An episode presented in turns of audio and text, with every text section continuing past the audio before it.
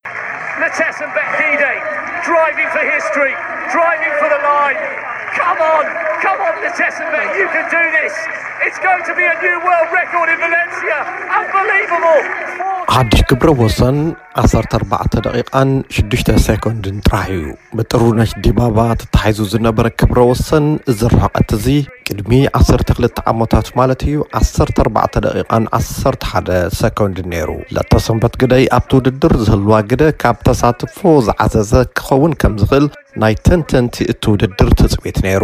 ኣይተጋገዩን። ክልተ ፔስ መከርስ ማለት ሓድሽ ክብረ ወሰን ንክተመዝግብ ምእንታን ክትጎይይ ዝሕግዝኣ እውን ተመዲበናላ ነይረን። ናይ ብሓቂ እውን ሓጊዘናኣ እየን። ለተ ሰንበት ሰለስተ ዙር ክተርፋ ከሎ ኣብ ክሊ ምምዝጋብ ሓድሽ ክብረ ወሰን እያ ነይራ።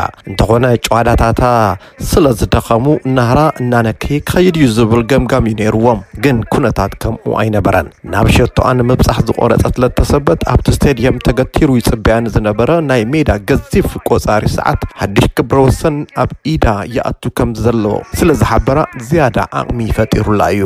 ዕስራን ክልተን ዓመት ዝዕድሚኣ ለተሰንበት ኣብዚ ቀረባ ካብ መቐለ ናብ ቫለንስያ ክትብገስ ከላ እዚ ክስተት እዚ ክፍጸም እዩ ኢላ ተጸቢያ እንተነይራ ዝተፈልጠ ነገር የለን። ሓደ ነገር ግን ብሩህ ኮይኑ ኣሎ።